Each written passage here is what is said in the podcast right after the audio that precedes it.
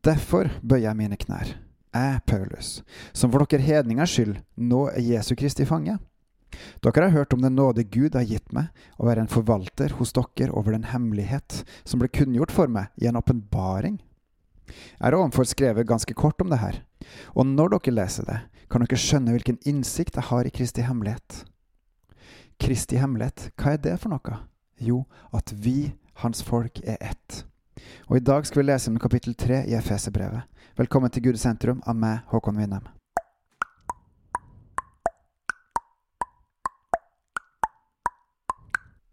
I innledninga så avslutta vi med om at eh, Paulus han skal vise dem hva som er Kristi hemmelighet.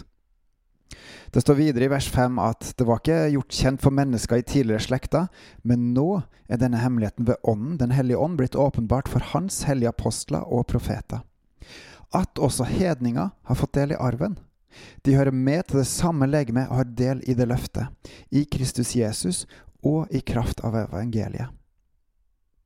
I Gammeltestamentet så er det kun jødene som er Guds folk. Men nå, i den nye pakten, åpenbart ved Ånden, så er rett og slett alle folkeslag invitert inn i fellesskap med Jesus. Det å kjenne Jesus. Og jeg, Paulus, ble en tjener for evangeliet da Gud greip inn med sin kraft og ga meg sin nådegave. Jeg som er den minste av de hellige, har fått en nåde å forkynne for folkeslagene det glade budskapet om Kristi ufattelige rikdom og bringe Guds frelsesplan fram i lyset, den hemmelighet som fra evighet av har vært skjult hos Gud, Han som skapte alt. Så den har vært fra evighet av, Guds frelsesplan, om at alle folkeslag skal bli frelst gjennom trua på Jesus.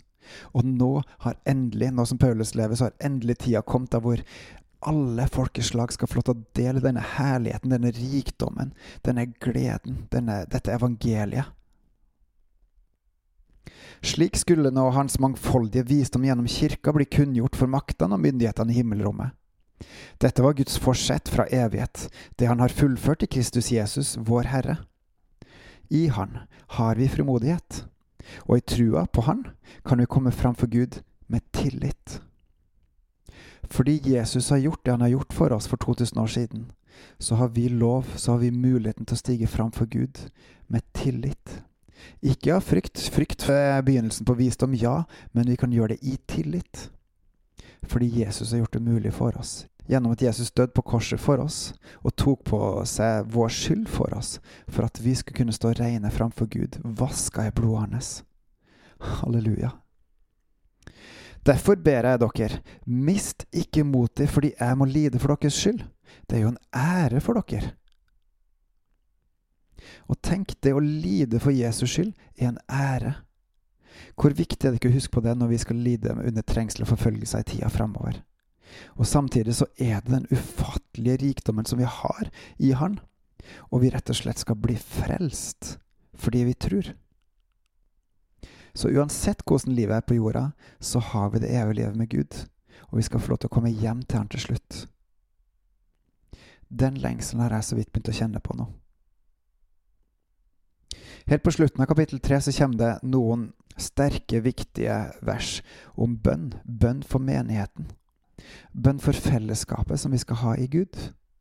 Og det står Derfor bøyer jeg mine knær for Faderen, altså Han som har gjort det mulig for oss å stige fram for Han med tillit på grunn av det Jesus gjorde, det som Han gjorde for oss.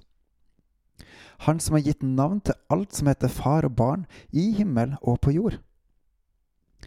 Jeg ber om at Han som er så rik på herlighet, én må styrke dere i det indre mennesket med sin kraft og med sin ånd.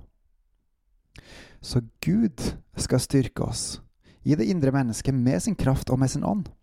Hvorfor? Jo, så Kristus ved troa kan bo i deres hjerter. Det er den første, og dere kan stå rotfesta og grunnfesta i kjærlighet. Så Gud skal styrke oss fordi Kristus skal bo ved trua i hjertene våre. Hør, Kristus bor i hjertene våre. Slipper du han til? Snakker du med han?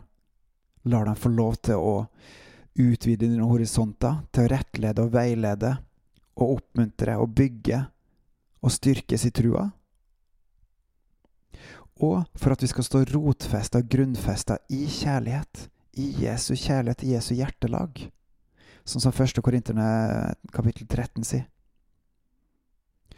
Hvis vi gjør det her, hvis vi er ber om det her for vår menighet, enten den vestkirken som jeg går, eller den menigheten som du går, eller rett og slett bare i Guds menighet avdeling Norge, da kan dere sammen med alle de hellige bli i stand til å fatte bredden og lengden og høyden og dybden, ja, kjenne hele Kristi kjærlighet.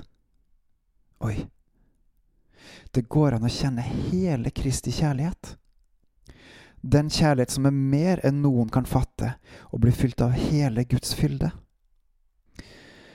Å Gud, må du styrke våres indre mennesker med din kraft og med din ånd sånn at du, Jesus, bor i hjertene våre ved trua at vi slipper det til, og sånn at vi kan stå rotfesta og grunnfesta i din kjærlighet.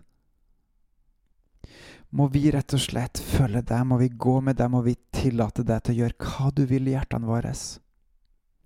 Og på samme måte som du befridde israelsfolket ut av Egypt, og vi, de dermed skyldte deg rett og slett alt de eide og hadde, fordi du har tatt dem ut av slaveriet, så skylder også vi deg alt, fordi du har tatt oss ut av dødens og syndens makt gjennom Jesus som døde på korset. Og Gud, må vi gi deg alt, må vi gi deg vårt alt. Og la deg få lov til å skinne gjennom våre liv, til din ære. Må du bruke oss for å nå ut til andre mennesker med evangeliet, både blant brødre og de som ennå ikke tror. Må vi være som såmannen som går rundt og sår her og der og må mest mulig av disse såkornene havne i god jord og bære frukt for deg. Og så kommer det et herlig løfte fra vers 20. Han som virker i oss med sin kraft, og kan gjøre uendelig mye mer enn alt det vi ber om og forstår. Han virker faktisk i oss med sin kraft. Og han kan gjøre så uendelig mye mer enn det vi ber om og forstår. Og så ber han oss be om mer, be om mer, be om mer. Be om mer, be for hverandre. Fellesskapet, enheten. Den store hemmeligheten at vi er ett i Han. Han være ære i menigheten og i Kristus Jesus gjennom alle slekter og i alle evigheter. Amen. Og en liten apertiff til slutt i dag. Jeg var på leir i helga. Og en av de gode tingene som skjedde der, var at jeg underveis fikk tanker som jeg trua fra han, på hva jeg skulle gjøre underveis. Og en av de bitene var rett og slett å invitere inn ungdomsmedlederne, ungdomslederne, inn i en preik med han og fortelle om hvem Gud er, og hvordan fantastisk han, han kan gjøre for noe gjennom sin Hellige Ånd. Og klokka ble kanskje litt seint, men disse øynene, de lyste opp av bare av at jeg delte min erfaring med Gud. Noen som jeg ikke gikk så fint, og andre som virkelig var Han. Hvor viktig er det ikke å være med Gud, og så dele med brødrene? Dele med hverandre, sånn at vi kan oppmuntre og støtte og bygge og advare hverandre i trua, til Guds ære. På bels og på gjenhør.